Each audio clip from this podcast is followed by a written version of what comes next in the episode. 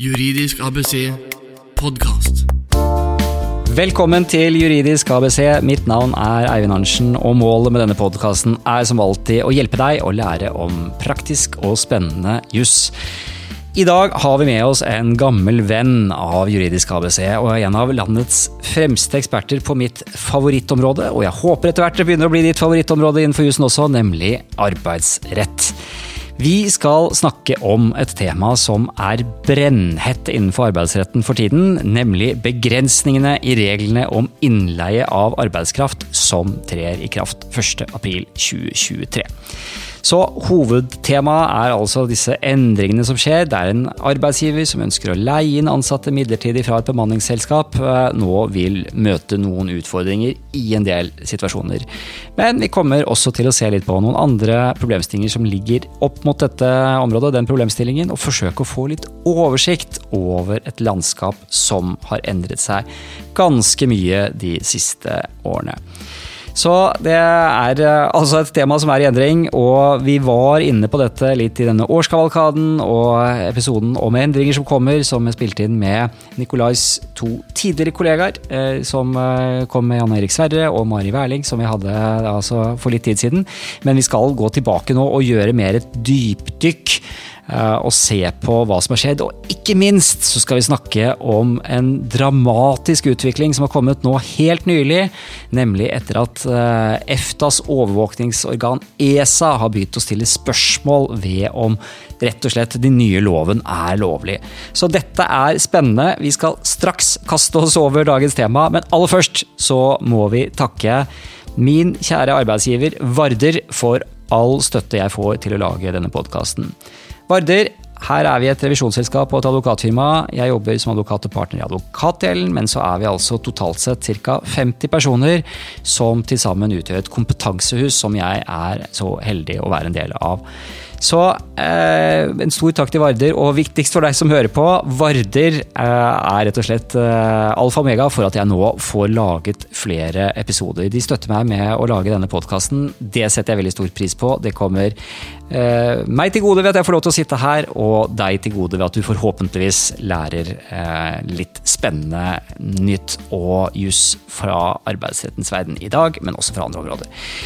Vi må til dagens tema. Vi skal altså snakke om det jeg syns er veldig spennende, nemlig innleie. Vi har med oss Nikolai Skarning her igjen. Nikolai har nylig byttet jobb, er nå partner i Simonsen Fugtvik og har tatt turen bort til studio her hvor vi sitter på Solli plass for å dele om sine kunnskaper og ha den samtalen.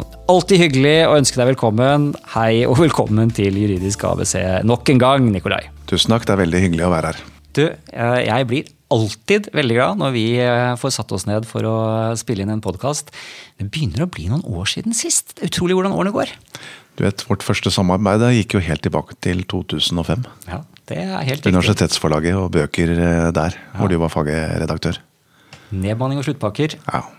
Det var veldig gøy, og dette viser jo at man kan ha gode samarbeid på dette området ja. over veldig mange år. Så det er jo fantastisk flott. Og jeg, jeg setter jo veldig pris på at vi kan sette oss ned innimellom og prate litt fag. Vi snakker jo sammen ofte, men det er ikke så ofte vi har mikrofon med. Nei da, men vi snakker jo ofte fag når vi møtes. Det gjør vi, og det er alltid hyggelig. Og det er jo, da minner du meg også på noe annet, for du har jo akkurat skiftet jobb. Det stemmer. Jeg har etter 13 gode år i Kvale, så har jeg da gått til Simonsen Fugt og Vik. Som er et firma med, som er av noe annen størrelse, og også litt mer internasjonalt rettet også. Ja. Det er litt morsomt med nye utfordringer. Og da er det jo sånn at du er da nå partner sammen med to andre tidligere gjester fra podkasten. For både Lill og Thomas, som du jobber sammen med, har jo vært med på Juridisk ABC tidligere. Ja, det er et veldig artig miljø. Så det er veldig bra. Så var Det jeg tenkte på, var at jeg leste intervjuet med deg om, altså i forbindelse med overgangen. Og da sa du at noe sånt som, Nå får du jo korrigere, det er jo, din, det er jo ditt utsagn. du sa noe sånt som at det er veldig eh, flott å jobbe med arbeidsrett når man i tillegg har arbeidsrett som hobby. Det er riktig. Så jeg jobber med arbeidsrett hele dagen. Og så drømmer jeg om arbeidsrett hele natta. Det, jeg vet ikke om det blir overtid av det, men du har kanskje en særlig uavhengig stilling, så det ordner seg sånn sett. Det er akkurat det. Ja.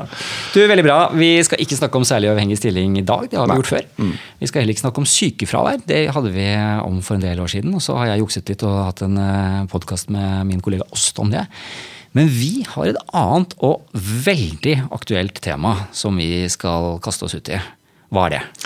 Der har jo vi satt oss ned og brukt vår erfaring, du med din erfaring og jeg med min erfaring, og skrevet en artikkel om innleie. Eh, som nå vi publiserer. Eh, og som tar med seg alt det som har skjedd av nye ting på dette området. Og det er ganske store, viktige ting. Store, viktige endringer for norske virksomheter og, og arbeidstakere. Som nå kommer, og som iverksettes 1.4.2023. Det er det. Og da er vi på innleie. Ja. Og det har vært mye eh, nytt innenfor vårt område de siste årene.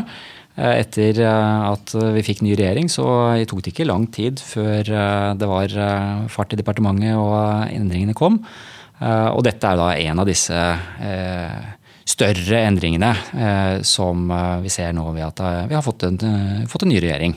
Ja da, og det er jo store endringer som kommer nå. Det er vel tre endringer som, store endringer som går gjennom, eller som har gått gjennom i Stortinget nå. Blant annet dette med da innleiereglene, hvor, hvor LO gjennom mange år har vært, sammen med selvfølgelig en del andre, vært bekymret over at bemanningsbyråene hadde stor virksomhet, og mener at denne virksomheten bør begrenses noe. Og fått gjennomslag for det nå, slik at nå har man fått ganske kraftige innstramninger.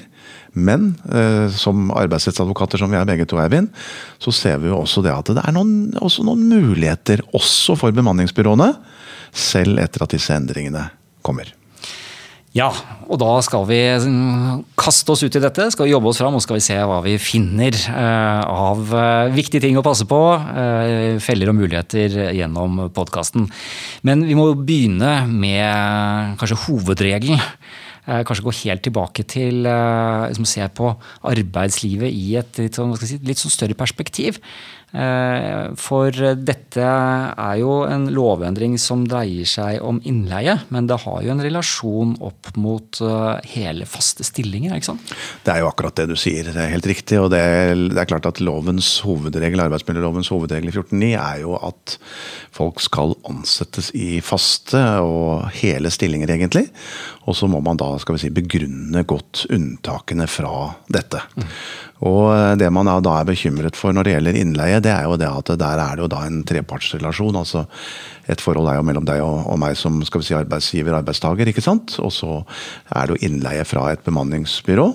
Eh, Og det man da er eh, litt bekymret for hos myndighetene, er jo at det skal undergrave de faste hele stillingene. Så dette er jo noe som må eh, plasseres inn i et litt større bilde. Så kan vi jo ta med dette med heltidsnormen, som jo også er en endring vi har fått nå. Men det er mer en politisk endring, Ja altså mer en fanebestemmelse. Ja, den er også ikke sant, det er kommet nå inn, og den betyr jo da at arbeidsgiverne må, må bruke noe mer tid på å beskrive hvorfor de da ikke har hele stillinger. altså Når de lyser ut en stilling osv., så, videre, så må de jo gå mer grundig til verks og på en måte begrunne hvorfor ikke stillingen er hel, men hvorfor den f.eks. bare er deltid. Ja. Så vet, jeg, ja, ja, så vet jeg at det er øh, bare kom på til dette, så det er fortsatt en del som er litt sånn usikre på disse nulltidskontraktene. Eh, Men det er også noe vi har sett en endring de siste årene. Og da er vi, ikke, da er vi jo på forrige regjering, faktisk. Det er riktig. og Da kom det en endring for noen år siden som, som egentlig gjorde at disse såkalte nulltimerskontraktene da ble ulovlige, egentlig. Mm. Så det, det man da gjorde isteden, var at man satte inn da noen prosent hvis man da, altså inn i bemanningsbyråene. eh, Og måtte oppfylle da en viss prosent. Slik at eh, Det gamle regimet var jo at man kunne også ha nulltimersavtaler. Altså at du som vikar ikke fikk betalt i det hele tatt mellom oppdrag. Og så ble du på en måte bare registrert inn for et nytt oppdrag av gangen. Mm. Nå må man legge inn da disse prosentene eh, og prøve ta stilling til hvor stor prosent skal man oppfylle. Er det f.eks. 5% eller 10% Men det vil være lovlig å gjøre fortsatt. Ja. Bare så det er sagt. Så lenge det reflekterer det reelle. Ja, det reelle, ikke sant. Null eh, tidskontrakter. Jeg sa nulltimers, jeg. Ja, ja, nei, nei, men nei, nei, omvendt. Ja, ja da, men det var jo på en måte nulltid mellom kontraktene, da. Ja. Em, bra. Men Bare for det var greit å få den eh, biten eh, på plass. Og da uh, er det jo også en lengre historikk hvis man går tilbake i i tiden her. sånn. Det har jo vært en utvikling eh, også opp mot eh, altså lovgivning i Norge, også EUs eh, vikarbyrådirektiv. ikke sant? Vi, vi, har jo dette med i artikkelen. Jeg tror kanskje vi skal ta og gå litt sånn raskt fram til der vi står nå. For nå er jo det brennhete og ferske er jo at vi står rett foran at de nye reglene blir implementert i norsk rett. Nå har dette vært eh, behandling, til behandling og votering, første votering i Stortinget. Nå er det bare sandpåstrøing å få det gjennom, og så blir dette eh, gjennomført i norsk rett fra 1.4. disse innstrammingene. Ja, det er riktig det. Og det er både da disse endringene i arbeidsmiljøloven er kommet fra 1.4, som du helt riktig sier, og så har du også fått denne forskriften om innleie fra bemanningsforetak. Eh, som for så vidt gir også noen unntak. Ja. Den er også endret og vil iverksettes fra 1.4.23. Ja. Så øh, store endringer. Men bare sånn at alle får det helt øh, klart for seg. Hva er de aller viktigste endringene i det som skjer nå? Den viktigste endringen den ser vi altså da i, i si 14.12 og 14.9. Altså tidligere så var det altså, nå snakker jeg om før 1.4.23, så var det altså slik at ved midlertidig eh, bemanningsbehov eh, så kunne du gå til et vikarbyrå, et bemanningsbyrå, og leie folk inn derfra. Eh, for å ha da disse midlertidig inn. Nå er det i utgangspunktet ikke tillatt lenger. Nå krever altså loven at du må ansette disse menneskene midlertidig hos deg. Så Du får fortsatt lov til å ansette folk midlertidig, men du får ikke lov til å leie det inn. Du må selv stå som arbeidsgiver. Så finnes det noen unntak her, og det er bl.a. der hvor du har eh, tariffavtale eh, med de si, større landsomfattende fagforeningene. Da kan du fortsatt inngå avtale om å leie inn. Men da må du altså ha tariffavtale på plass med de store foreningene. Eh, og du må da inngå en egen avtale om innleie. Så den åpningen er der. Og jeg tror det er viktig å si det allerede, Eivind. For det, eh, det betyr at eh, det kan bli mer aktuelt å inngå flere tariffavtaler. Og det kan bli mer aktuelt å inngå den type innleieavtaler fordi du da ikke ønsker å være arbeidsgiver selv, men du ønsker å leie inn fra et bemanningsforetak. Og det kan du gjøre med en sånn type avtale. Og det kan være både i de ansatte og i arbeidsgivers interesser. Mm. Og De større eh, foreningene, da snakker vi om de som har innstillingsrett og har 10 000 medlemmer eller mer? ikke sant? Helt riktig. altså Innstillingsrett til arbeidsretten, som det heter. Mm. Altså mer enn 10 000 medlemmer, som du sier. Mm. Så det er typisk, du er jo blitt dommer i arbeidsretten. det kan vi snakke om en annen gang. Varadommer i arbeidsretten. Det er også eh, morsomt fra, fra Spekter, fra arbeidsgiverforeningen Spekter. Ikke sant. Ja. Men tilbake til dette. Eh, en liten sånn digresjon på det er jo det du er inne på. Eh, det kan jo bety, og det er kanskje ikke helt tilfeldig, da eh, en større påvirkningsmulighet for foreningene innenfor dette området. De får en, altså nok, nok en, en, maktbase da, inn mot et sentralt politisk spørsmål. Ja, og Hvor det man her vel kunne ha husavtaler og sånne ting før, men nå er, det, hus... nå er terskelen eh, hevet. ikke sant? Tidligere kunne du ha husavtaler, altså du kunne på en måte bare danne en liten forening rundt kjøkkenbordet holdt jeg på å si på jobben. Mm. Uh, på sosial sone, men uh, nå innførte man jo da dette med, med, større foreninger. Og så er det riktig som du sier, dette her er jo selvfølgelig også en del av både LOs program og for så vidt også andre større foreninger. At her skal man få større innflytelse. Uh, og større påvirkningskraft på arbeidsplassen. For da, da blir bedriften nå mer avhengig av de tillitsvalgte for å få den type avtaler. Så Det er også noe av hensynene bak. Nemlig å styrke det organiserte arbeidslivet. Få flere til, til å organisere seg, og få flere tariffavtaler. Det ligger også under disse lovendringene som er kommet. Mange interesser, mange hensyn eh, som eh, kanskje ikke ligger helt i dagen, men som eh, definitivt har vært med på å spille en rolle fram mot disse endringene. Det er jo dette som gjør si, arbeidsrett så spennende som fag. Og så er det jo slik at både du og jeg som jobber aktivt på dette området, sammen med veldig mange andre og virksomhetene, er jo vi er jo veldig opptatt av å få arbeidsplassen å fungere så godt som mulig. Mm. Så effektivt og godt som mulig. Og skal være et godt sted selvfølgelig både for arbeidsgiver og arbeidstaker. Og klarer vi det, så får vi stor og god verdiskaping. Så er det litt forskjellig syn Eivind, det vet vi jo ute der ute i politikken, litt forskjellig syn på hvordan man skal gå fram.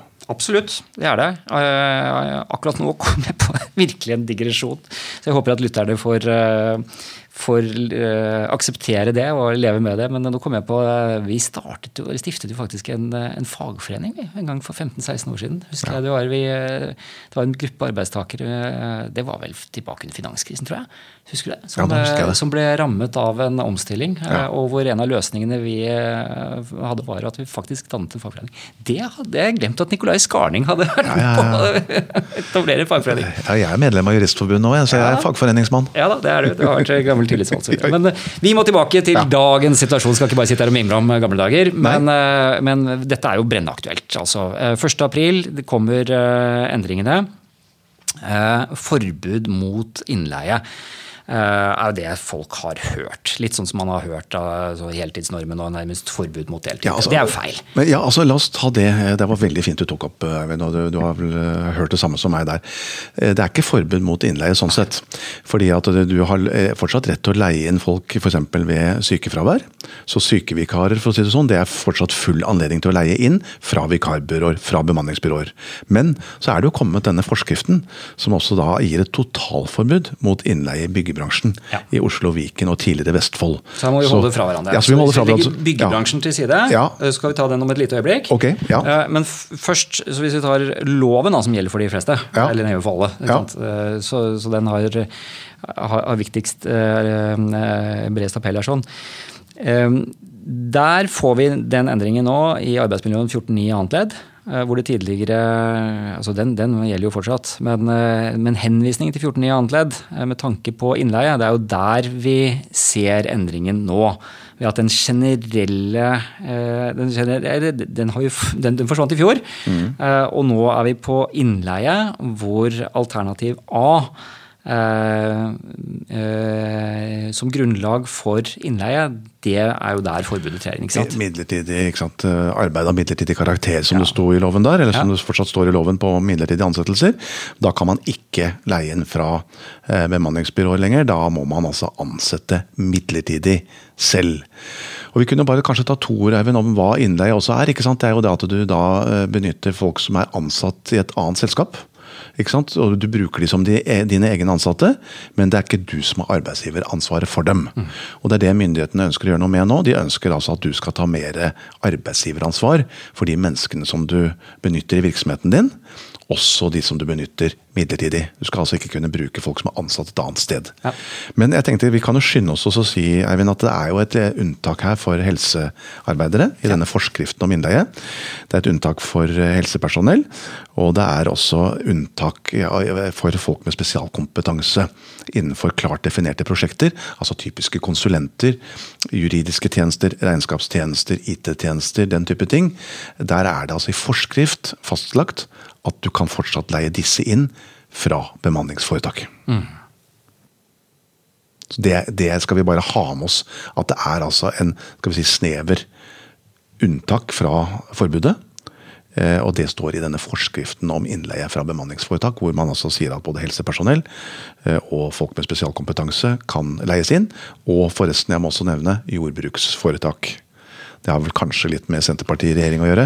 At jordbruksforetak er også unntatt. De kan fortsatt leie inn ved min tanke er jo nettopp det at uh, her høres det jo litt ut som om man i lovarbeidet og forskriftsarbeidet har tenkt at eh, det kan jo skape noen utfordringer for Helse-Norge, som jo er avhengig av en viss grad av innleie av helsepersonell, sykepleiere. ikke sant? Eh, Og Derfor så legger man inn et unntak eh, for en selv, da, egentlig, eh, hvis du ser staten som en litt så, som en større entity her. sånn.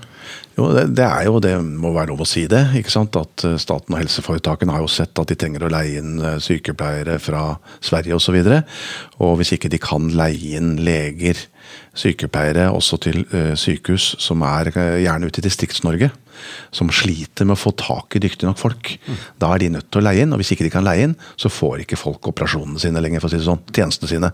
Og derfor så har myndighetene på en måte til, til sin egen fordel eh, sørget for at jo, vi kan få lov til likevel å leie inn. Og det får vi være glad for da, hvis vi holdt på å si brekker beina en dag. Absolutt. Det er jo tross alt viktigere at man eh, har eh, helsetjenester hvis man brekker beinet eller får et hjerteinfarkt, Ja.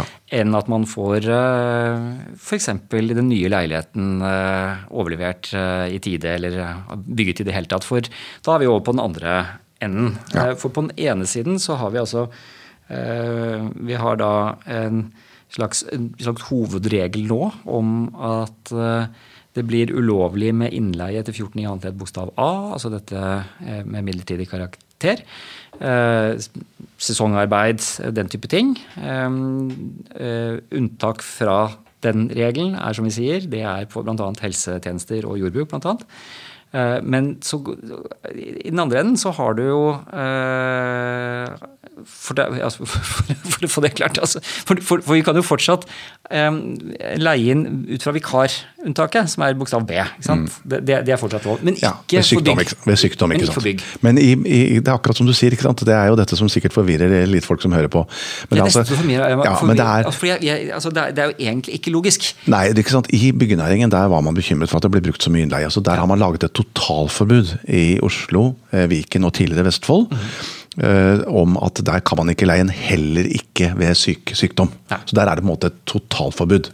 Men for alle andre i Norge, altså utenfor byggenæringen uh, og resten av Norge, og også for så vidt da i Vestfold og, og vi- Oslo-Viken, hvor det ikke er i byggenæringen, så er det slik at jo, man kan fortsatt leie inn ved sykdom. Ved sykefravær. Da kan man gå til bemanningsbyråene fortsatt. Men det er dette temaet midlertidig karakter. Der man har et midlertidig topp i behovet. Der kan man altså ikke lenger leie inn. Da må man ansette midlertidig sjøl. Og det morsomme med det, Eivind, som vi har diskutert litt, også som vi har skrevet om i artikkelen, er jo at bemanningsbyråene de kan jo kanskje da isteden formidle kompetent arbeidskraft og si vi hjelper dere med å ansette disse menneskene, og så tar vi disse folkene tilbake når ikke dere har behov for dem lenger. Med andre ord, det er ikke sikkert at vi skal slå av lyset for landets bemanningsbyråer enda.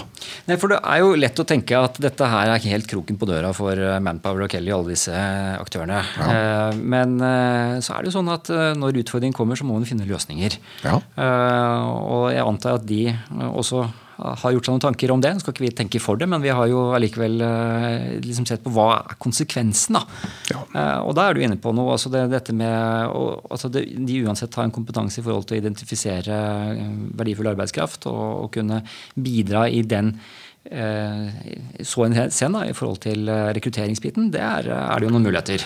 Det er det for at da istedenfor at, at du går til bemanningsbyrået og sier at vi, har, vi trenger eh, noen folk, noen kompetente folk i seks måneder, så vil Før så kunne da bemanningsbyrået si til deg ja, men det er fint, det, vi skal leie dere ut de spesialistene i eller ja, den type kompetanse i seks måneder, det er greit. Nå så vil bemanningsforetaket i mye større grad da si vi skal skaffe de kompetente menneskene, og skal vi hjelpe dere med å ansette de midlertidig. Og så skal vi eh, si til de ansatte at eh, hvis, de da, hvis ikke dere har behov for dem lenger, så kan de komme tilbake til oss. Så skal vi finne en annen jobb til dem et annet sted, og dette vil jo bemanningsbyrået kunne ta betalt for. Så, det er, så vi går på en måte inn i en litt uh, ny verden, hvor man går da fra dette med å leie ut, til å også kunne da bistå med å finne folk og ta betalt for det. Og så har vi jo et annet unntak som vi vel kommer tilbake til etterpå, og det er jo dette med underentrepriser. Men det skal vi vel snakke om etterpå. Det kan vi gjøre, men, eh, eller det skal vi absolutt gjøre. Men eh, jeg var bare lurer på om vi, om vi skulle ta det med en gang. For du er jo også, du er inne på et eh, stikkord her sånn, som går på dette med grensedragningen, da, antipriser, antiprisansettelse, egentlig. Og det kan kanskje være greit å begynne der, sånn sett, for å få det klart for lytterne også. Vi kan godt gjøre det. Eivind, og Vi har jo skrevet i vår artikkel litt om dette med både selvstendige oppdragstagere, altså folk som på en måte driver, sine, driver altså, skal vi si, utøver tjenester selv. da. Enten de er rørleggere eller de er, kan være advokater, ikke sant, hva som helst. De er jo det. De, ja, ikke sant? De er sine egne arbeidsgivere, for å si det sånn. Mm. De er selvstendige oppdragstagere. De, disse folkene vil jo fortsatt kunne få lov til å tilby sine tjenester. Det er ikke noe forbud mot. Altså, Rørleggeren blir jo ikke ansatt av at han eh, jobber på huset ditt eh, Nei, han en time eller en uke eller en måned, for den saks skyld. Nei, og Kanskje du trenger midlertidig regnskapshjelp, ikke sant? så kanskje du da bare rett og slett eh, tar inn en, en regnskapskyndig person som, som på en måte kommer i egen regi. Eh, Den type ting vil for, veldig fort fortsatt kunne være tillatt, så lenge det er skal vi si, begrensede oppdrag. Hvor den denne eksperten som kommer inn, da har et eget selvstendig resultatansvar osv. Så, videre. så alt dette med kan du si, kontraktører, som vi kalte det i gamle dager, selvstendige oppdragstagere, og ante, eh, typisk eh, kantineselskaper f.eks., som, som har kantine i, virks, i huset hos, eller i bedriften, de kan fortsatt få lov til å tilby sine kantinetjenester. Eh, eh, regnskapsbyrået kan fortsatt tilby sine eh, tjenester da, som underentreprise. Og det samme med rengjøringspersonalet. Eh, sentralbordet. Eh, eh, holdt på å si vektertjenestene. Sjåførtjenestene som sender ut varene. Alle disse er tjenesteleverandører. De er det, det er det fortsatt tillatt å være. Ja, Så For Service, som står for kantine hos oss og lager deilig eh, varm lunsj hver dag osv., de, de kommer fortsatt til å levere det. Ja, Så det forbudet mot innleie gjelder ikke de. Så forbudet mot innleie det gjelder altså der hvor man på en måte leier ut folk, og hvor du bruker folkene som dine egne ansatte. Men der hvor det, det kommer en virksomhet som da har et selvstendig resultatansvar for å levere si, gode tjenester, som du sier, god mat, eh, da vil de fortsatt kunne drive. og de er ikke berørt av innleieforbudet. Men vi må bare si en bitte liten ting, og det er det at eh, nå har man for så vidt kanskje utvidet innleiebegrepet litt. Slik at det vi nok sier litt til våre klienter, er at det, er litt større risiko eh, nå enn før for at folk også som jobber i eh, tjenesteleverandører, kan komme og kreve fast ansettelse. Men det skal fortsatt en god del til. Men, si, Hvorfor tenker du det? Jo, Det er rett og slett fordi at nå har man, har man lagt inn også en sånn såkalt presumpsjonsregel. Og det vil altså si at Hvis man er litt usikker på er dette underentreprise, er det et selvstendig ansvar, eller er det egentlig utleie fra et bemanningsbyrå, så er det en presumpsjonsregel nå tatt inn som sier da at eh, hvis man er på en måte usikker på dette, eh, vel, så presumeres det, så antar man at dette er et innleieforhold.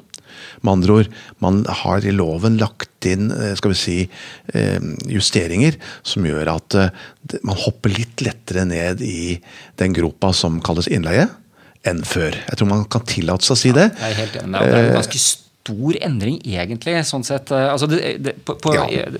Den er jo presentert som at det ikke er noe endring. Det er bare en presisering av gjeldende rett. ikke sant? Helt enig. Så, så det er greit, og det er bakgrunnen. og Dette bygger på en prosess over lang tid og Fognerutvalget osv. Og, så og det er jo veldig mye prisverdig med tanke på det. Men det er klart Når man ser på ordlyden og hvordan denne presiseringen har skjedd nå, og med den omvendte bevisbyrde, Eh, så er jeg jo helt enig med deg i det. Altså det, det, det, gir jo en eh, vesensforskjell. Hvis ikke så hadde det ikke vært noen grunn til at man gjorde det på denne måten. Nei. Eh, man har jo hatt en tanke med dette. Man har det, og det er derfor man også skal nok prøve å ramme noen underentrepriser som man vel mener er mer, glir mer over mot innleieforhold. Altså hvor det egentlig er oppdragsgiveren som har på en måte styringen mm. på de ansatte. Mm. Så det er Derfor sier man så at hvis du, har, hvis du tar inn folk fra en annen tjenesteleverandør, da, du bruker de som, unnskyld, som din egne ansatte, eh, og eh, du har egentlig resultatansvaret selv som oppdragsgiver. De jobber i dine lokaler, de jobber der på ubestemt tid eh, nærmest. Så vil dette veldig fort være innleieforhold, og kanskje i større grad bli dømt som innleieforhold nå enn før. Men da må vi også skynde oss inn i den praktiske verden, Eivind. Og det er at de menneskene som vi her snakker om, hvem er det? Jo, det er jo folk som allerede har ansettelse hos tjenesteleverandøren. De er altså ansatt i Var det Four Season det het hos dere? Eller Four, Service. Four Service, ja. Four ja. Service. Men Four Season hadde også vært et godt ja, ja, Eller hos Verisure, hos Securitas. Ja. Dette er jo folk som allerede er ansatt et annet sted. Slik at risikoen for at de i praksis vil gå og si nei da, jeg skal kreve dom for at jeg er ansatt hos oppdragsgiver. Den risikoen, Eivind, i praksis er vel kanskje ikke så stor. Mm. Nei, de har det vernet, sånn sett. Så eh, de har jo allerede ansettelsesvernet. Ja, ja, Så det er eh, absolutt et, eh, et, viktig poeng å ta med det, altså. Juridisk ABC podkast. Ok, Nikolai, nå har vi øh, jo vært gjennom mange temaer. Og til dels så er det litt sånn komplisert, noen av disse tingene. Eh, kanskje ikke så lett å henge med i svingen på alt.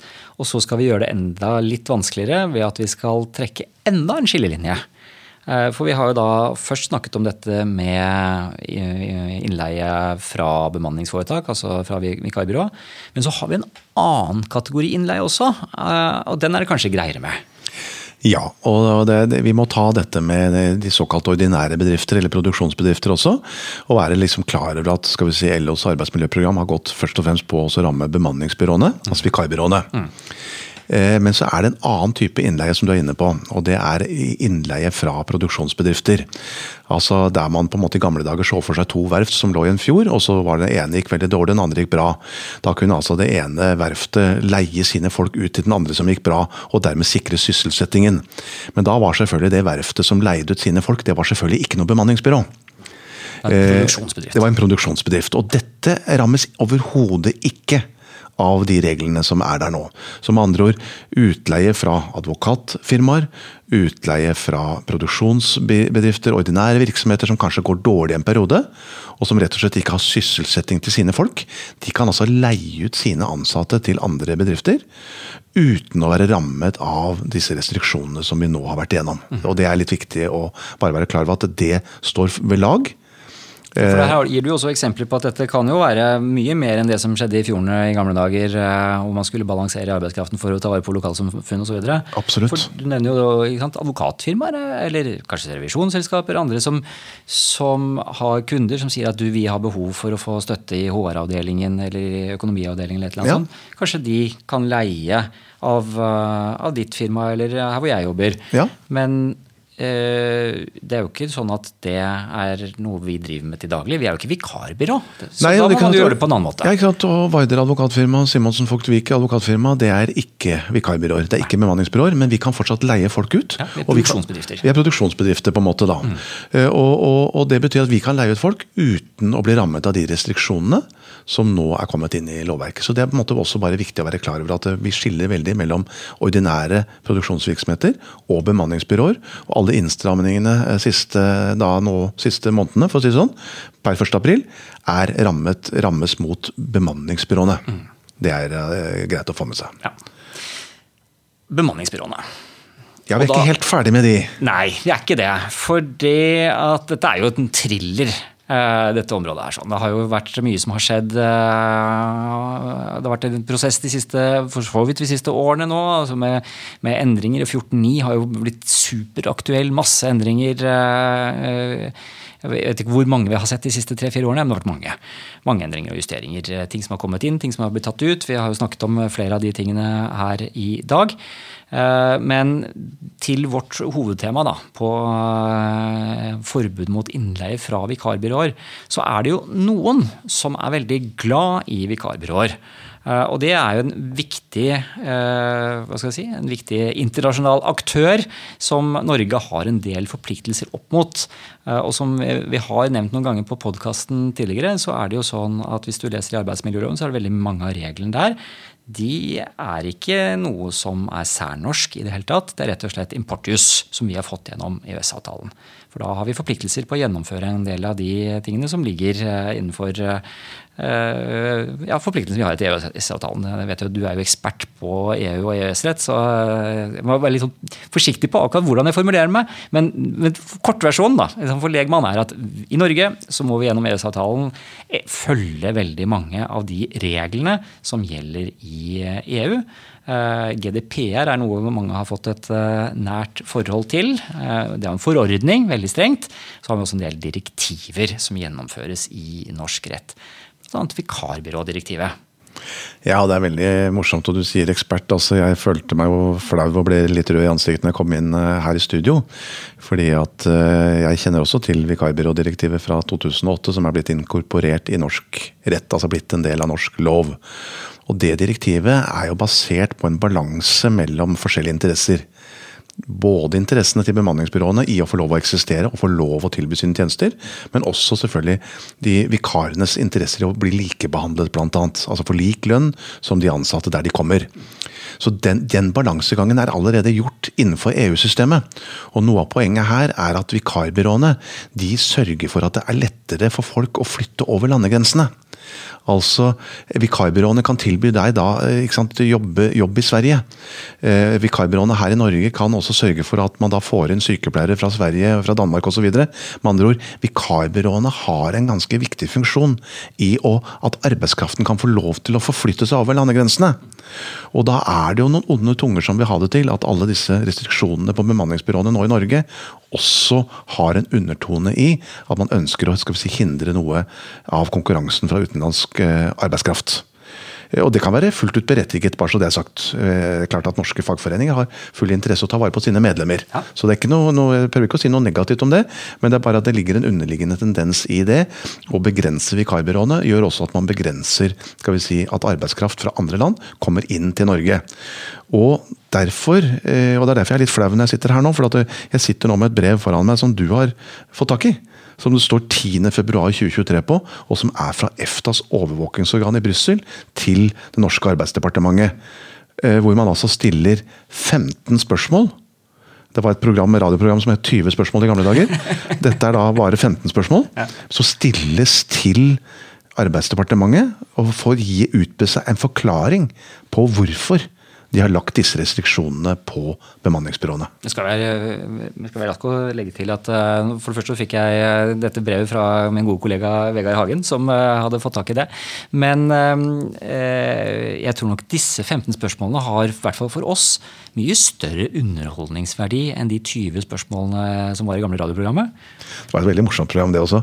Men, men dette, disse 15 spørsmålene som Arbeidsdepartementet har fått her, det kommer ikke departementet til å synes er veldig morsomt, tror jeg. Fordi faren her er at hvis EFTAs overvåkingsorgan kommer til at Norge har brutt vikarbyrådirektivet, med andre ord brutt EØS-avtalen, så kan man altså stå overfor en sak for EFTA-domstolen.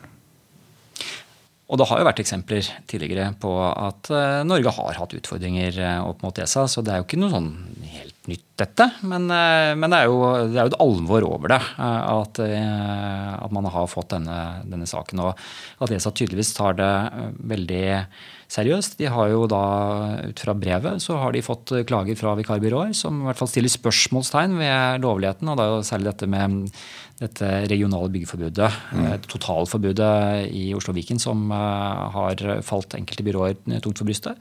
Det kan man forstå. og På samme måte som fagforeningene har sine interesser som de legitimt skal ivareta, så er det klart at uh, byråene kan også ivareta sine. og Her har man også klaget til ESA. Men det, det som jeg syns er interessant, er jo den hva skal jeg si, besluttsomheten og handlekraften som er vist her sånn. Uh, vi sitter med dette brevet som er meget Eh, gjennomarbeidet, eh, velgjennomtenkte 15 spørsmål med underspørsmål, så det er nok egentlig langt over de 20 spørsmålene faktisk når du tar en oppsummering. Jeg tror det er på nærmere 30 her. Ja. Eh, men, men, det er nå så. Men det er jo også verdt å merke seg at det er en frist her, Nikolai? Departementet har da frist til å svare på dette innen 10.3.2023. Mm. Så nå tipper jeg det jobbes veldig mye overtid borti departementet. Ja, Så det, er, eh, det, blir veldig spennende å se hva som eh, kommer der. Men det betyr jo også at eh, vi sitter her nå. Vi er altså så vidt over terskelen inn i mars. Om det blir noen dager, så skal departementet levere sitt svar. Lovendringene skal tre i kraft 1.4. Det, altså det er klart det regionale forbudet det er jo allerede trådt i kraft. så det, de har jo ikke en så, sånn kobling opp mot 1. Eh, april, ikke sant? Men, eh, men, vi står jo altså midt oppi dette som vi har snakket om mange ganger på podkasten, at dette er et dynamisk fag. Eh, og det vi snakket om på podkasten for 6-8 år siden, det er kanskje ikke riktig lenger. fordi hele tiden så ser vi at uh, det er en utvikling. Det kommer nye dommer, det kommer nye regler, og det er uh, diskusjon om reglene, sånn som vi ser nå. Ja, og det er jo altså, du kan si 1. april er jo en sånn uh, dato her nå ikke sant, for de store endringene. Og, og, eh, Det som da er spennende med dette brevet også nå fra EFTAs overvåkingsorgan, er jo selvfølgelig at uh, det kan jo da trigge at noen vil prøve å angripe disse endringene som kommer. Men når det er sagt, så må vi jo si som forsiktige arbeidsrettsadvokater som vi er begge to, så er det klart vi forholder oss hele tiden til de lovregler og forskrifter som står der. Eh, så kan det tenkes at noen kommer til å angripe disse reglene, og det tror jeg nok vi må være med å regne med. Vi ser jo bl.a. at NHO har hatt stor innsigelse mot de endringene som er kommet. Så at det er nå store ressursmiljøer i Norge som eh, kan gå til angrep det, det på disse reglene, det tror jeg vi må regne med. Men selvfølgelig, vi må forholde oss til de reglene som kommer nå 1.4. Du hører Juridisk ABC podkast. Nikolai, det er alltid hyggelig å sitte her og prate og nerde litt eh, arbeidsrett eh, sammen med deg. Eh, så det er veldig gøy. Og så var det jo veldig god timing. Vi visste at det var et aktuelt tema, men at det dukket opp litt nyheter her sånn til innspillingen i dag, det var jo også fantastisk, syns jeg. Så da fikk vi nerdet litt rundt det. Men hvis vi drar dette tilbake, den typiske lytter her sånn vil kanskje sitte og ha ansvar for, uh, for, ja, for HR-feltet i sin organisasjon, eller kanskje ha et overordnet ansvar for compliance eller ledelse. Uh, og vi har snakket mye teori og mange bestemmelser osv., men la oss dra det litt sammen. Hva er liksom de praktiske følgene? Hva, det, hva, hva, hva bør man gjøre nå, hva skal man ikke gjøre? Det helt, helt praktiske nå Eh, dette forbudet for å si det sånn, det rammer jo først og fremst som sagt, der hvor man har et midlertidig behov. Man har en produksjonstopp eller andre ting. Eh, da kan man i utgangspunktet ikke lenger leie inn fra et bemanningsbyrå. Da må man ansette midlertidig selv isteden. Men det kan man få hjelp fra bemanningsbyrået til å gjøre, og finne folk. Så er det fortsatt full mulighet for å bruke underentrepriser, tjenesteleverandører, som vi har vært snakket om. Så de, rammes ikke. Og det er fortsatt full adgang til å leie inn fra produksjonsbedrifter, altså ordinære bedrifter som ikke er bemanningsbyråer. Der kan man leie inn. Der er det veldig få restriksjoner på det. Eh, og så er det vel egentlig eh, å si at eh, Oppsummeringen av dette er vel egentlig bare at det er først og fremst bemanningsbyråene, og det er der man skal være klar over at forbudet ligger. Og så får man på en måte bare gå inn og bruke bemanningsbyråene som formidlingskanal, der hvor man trenger det. Så vil dette her, her i stor grad løse seg i praksis. Hva tror du det vil bety sånn i det store og hele? Det er vanskelig å spå, spesielt om fremtiden, selvfølgelig. Men uh... Jeg vet jo, sånn som deg som arbeidsrettsadvokat gjennom veldig mange år, at næringslivet tilpasser seg jo hele tiden de reglene som kommer. Og det betyr at jeg tror at man vil bruke nå mer underentrepriser. Altså, poenget her er at det midlertidige behovet vil fortsatt bestå. Har du, et, ja, har du, et, midlertidig behov, så vil du ikke ansette fast. For det er rett og slett for dyrt kan du si, å gå til nedbemanning etterpå. Mm. Det er for mye risiko rundt det. Så du vil eh, ansette midlertidig. Hvis du har et midlertidig behov, så enten så ansetter du da selv, og det er det full anledning til å gjøre.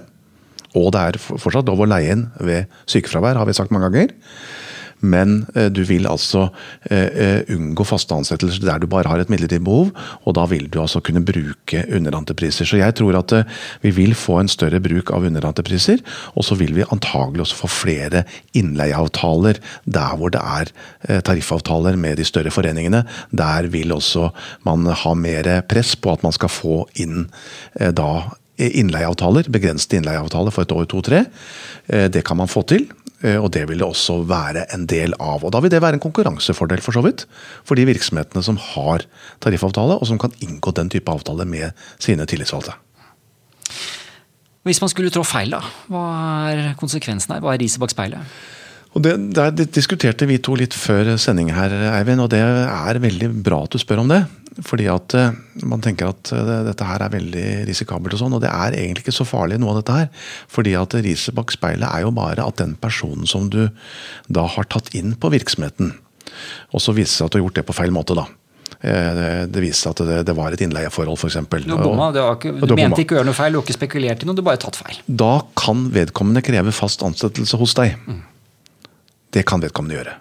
Men så er det jo altså slik i det praktiske liv at disse menneskene som eh, reiser litt rundt fra den ene bedriften til den andre, det er gjerne en mennesketype som ikke ønsker å binde seg fast opp et sted.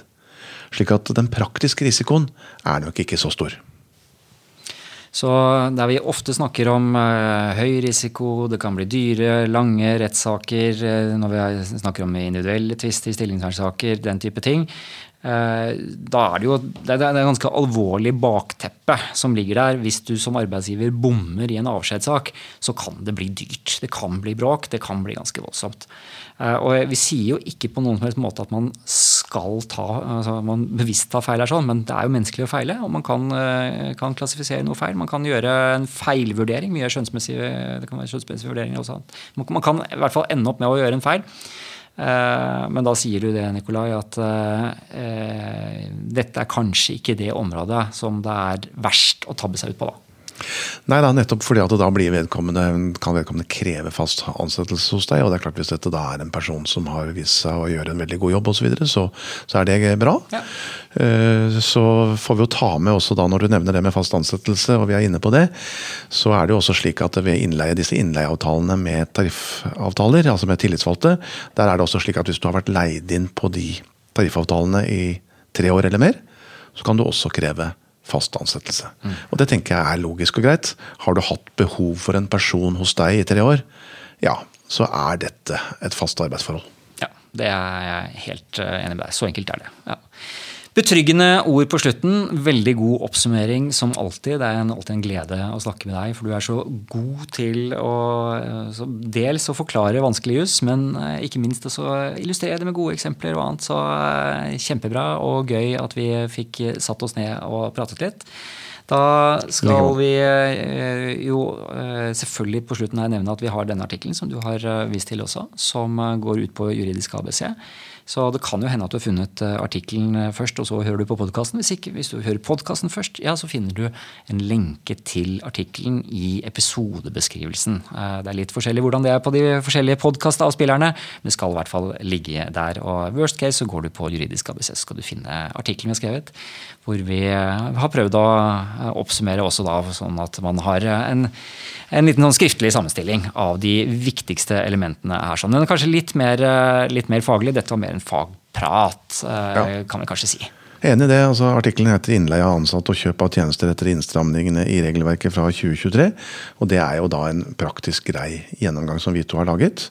Basert på skal vi si, våre erfaringer med de virksomhetene som vi bistår. Ja, og så skal vi jo sies at eh, det er nok du som har dratt det en del lasset der, eh, Nikolai, men det er hyggelig at du anerkjenner må også tar med deg. Så det er, jo da, vi setter stor pris på. Vi har hatt interessante diskusjoner rundt dette fra litt forskjellige vinklinger, og det har blitt bra. Jeg tror det har blitt en bra artikkel til slutt. Det er jeg helt enig med deg så det står vi for. Med det så sier vi takk for i dag. Særlig takk til deg igjen, Nikolai, og takk til deg som hørte på. Og så høres vi straks igjen på en ny podkast. Ha det bra. Ha det. Juridisk ABC podkast. Tusen takk for at du hørte på Juridisk ABC. Før du går, så har jeg en viktig beskjed til deg som jobber som leder eller innenfor HR og personal, og som ønsker å lære mer om praktisk arbeidsrett. Og jeg har en anelse om at du er interessert i det, siden du har kommet så langt ut i denne podkastepisoden. Det har seg nemlig slik at eh, jeg har jobbet eh, i lang tid og mange hundre timer med å lage et komplett digitalt lederutviklingsprogram som får sin første offentlige lansering nå i mars 2023.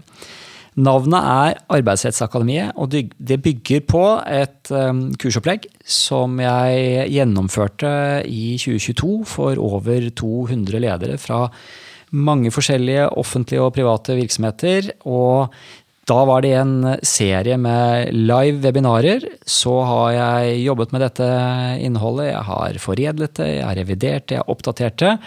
Og satt det sammen til et komplett system som nå er nesten helt klart til å lanseres.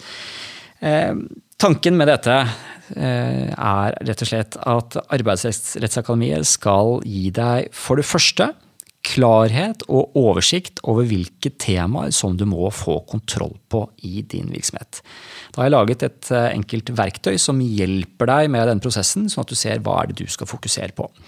Så er det selvfølgelig kunnskap. Og jeg har laget en lang rekke, jeg vet ikke hvor mange, det er eh, mange, mange, mange, mange videoer som Uh, hver av de er på typisk mellom 10 og 20 minutter. Uh, og samlet gir deg en si, reise gjennom arbeidsretten fra ansettelse til avslutning av arbeidsforhold, arbeidsmiljø, varsling, alle disse temaene som man må kunne noe om. Sykefravær, oppfølging av ansatte som ikke presterer.